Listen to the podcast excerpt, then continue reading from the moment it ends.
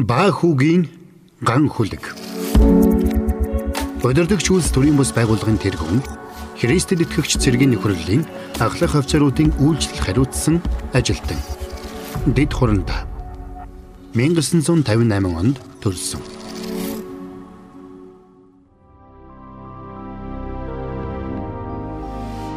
Сэтгэлийн хан хэрмэн дундах мөрдөстэй амьдрал.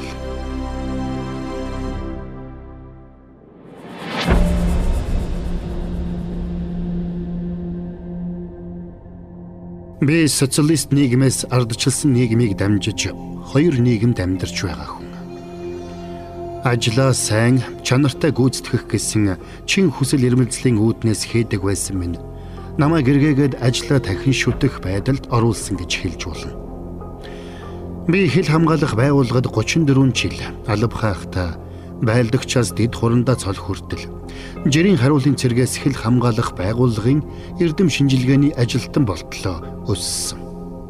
Алба хах хугацаанд альбан тушаалд маш хурдтай өсөж хугацаанаас өмнө цол авдаг байлаа.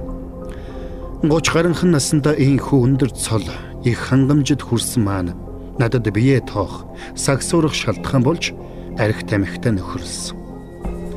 Ер нь архийг олигтойхон уугаад сайн даагаад явбал ажил албан тушаал өгсөж болох юм биш үү гэсэн ойлголттой болчихсон байсан.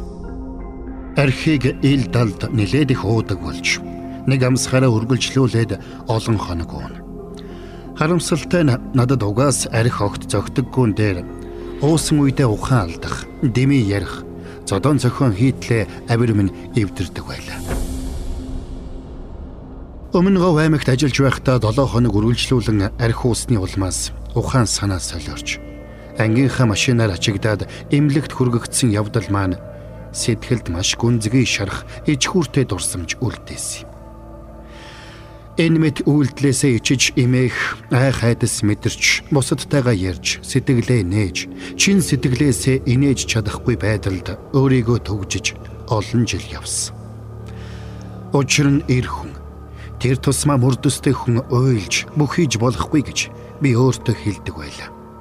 Энэ бүхэн минь надад их дарамт болдог байсан. Сүүлдээ эрүүл мэндийн шалтгаанаар ажилласаа төр чөлөөлөгдөж, ажлаа алдах вэ гэсэн айдас дотор минь байсаар байлаа. Голдуу ганцаараа байж нэг газар удаан цагаар сууж шар хариг уухчгүй олширсан. Ингээд 4-5 жилийн дараа гэхэд архинд гүн орж, архины 15-ыг хүртэж эхэлсэн. Намайг Москвад сурч байхад аав минь архинаас хол байгаарай. Арх бол солиорлын дасгал гэж зурвас хүртэл бичдэг байлаа. Би эцгийнхээ үгийг тоож хүлээж аваагүй. Үүнээсээ болж маш олон боломжуудыг алдсан. Арх надад завхаар л худал хуурмаг, хулгайч цан гэд олон муу зүйлс дагуулж ирсэн. Нэг мэдхэд байрныхаа сарын төлбөрийг төлж чадахгүй байж төрийн албанд том том дуугарч суудаг охиныхоо төрөвчнээс мөнгө сугалж аваад хатуу ундаа хүртдэг тийм аав болчихсон байлаа. Зан ааш эрс эвдэрс. Хэдэн шилээр нь уусан ч яадаг юм гэсэн эрэлхүү зангаар тэр хатуу ундааг хүртэж согтуурхдаг байлаа.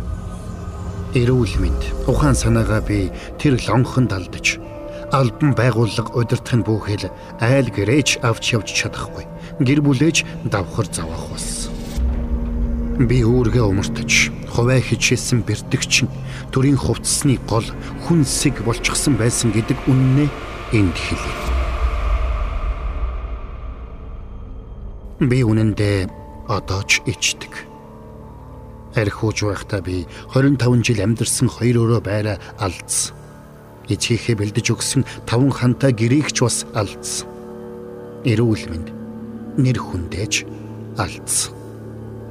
Харин арх надад өгсөн зүйл нь эцгийнхээ үг дамжуулсан бүх өвийг нь устгах хараал байсан. Архтай нөхөрлсөн хүн арслан бар шиг зангийн хажуугаар хүний нүдрүүч эгцэлж харж чадхааргүй маш аимхай болчихдог. Сүүлдээ цэргийн дүрмт хувцастайгаа эрүүлжүүлэхэд сэрх. Бусадтай муудаж гар зөрүүлэх тохиолдолж ихссэн. Эхэндээ үүнийгээ буруу гэж ухаарах нь бүхэл эрэлхэг үйлдэл гэж итгэдэг байсан. адгийн муу ёрын хүч далд ертөнц үнэхээр бодтой байдаг гэдгийг би тэгхэд мэдсэн. Сүүлдээ хий юм харж, хоосон зүйл сонсож, тайванч унтаж чадхаа байсан.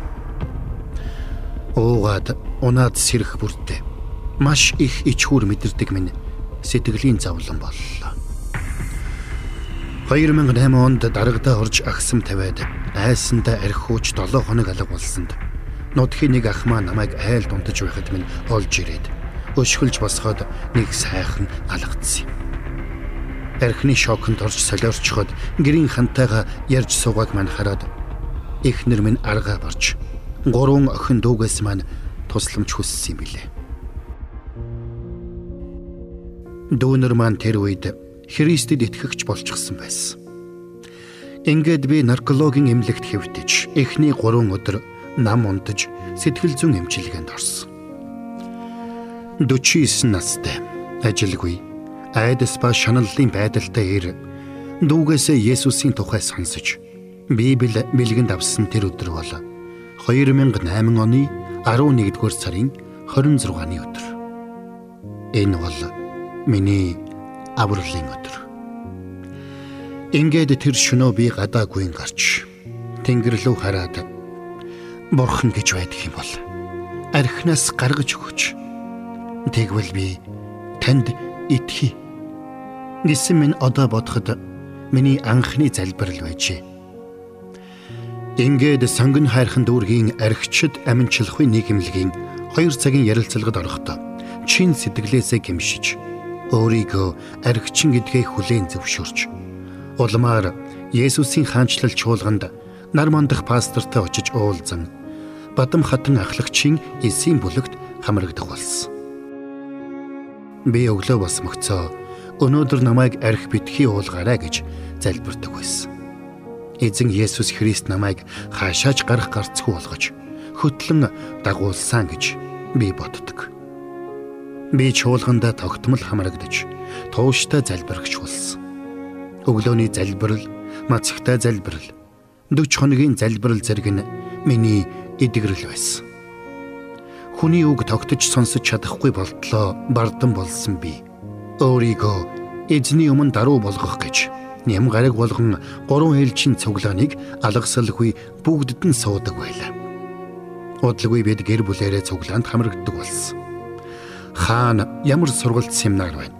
Би яг үлссэн хүн шиг хамрагдаж үгийг сүнсээрээ залгилдаг байсан. Төгөлдөршсөн эр хүн сургалт надад дотоод эдгэрэл өгсөн. Библийн үг үнэхээр гайхалтай. Энхүү өөрчлөгдөж байгааг минь харсан цэргийн ангийн удирдлага маань намайг олж харна.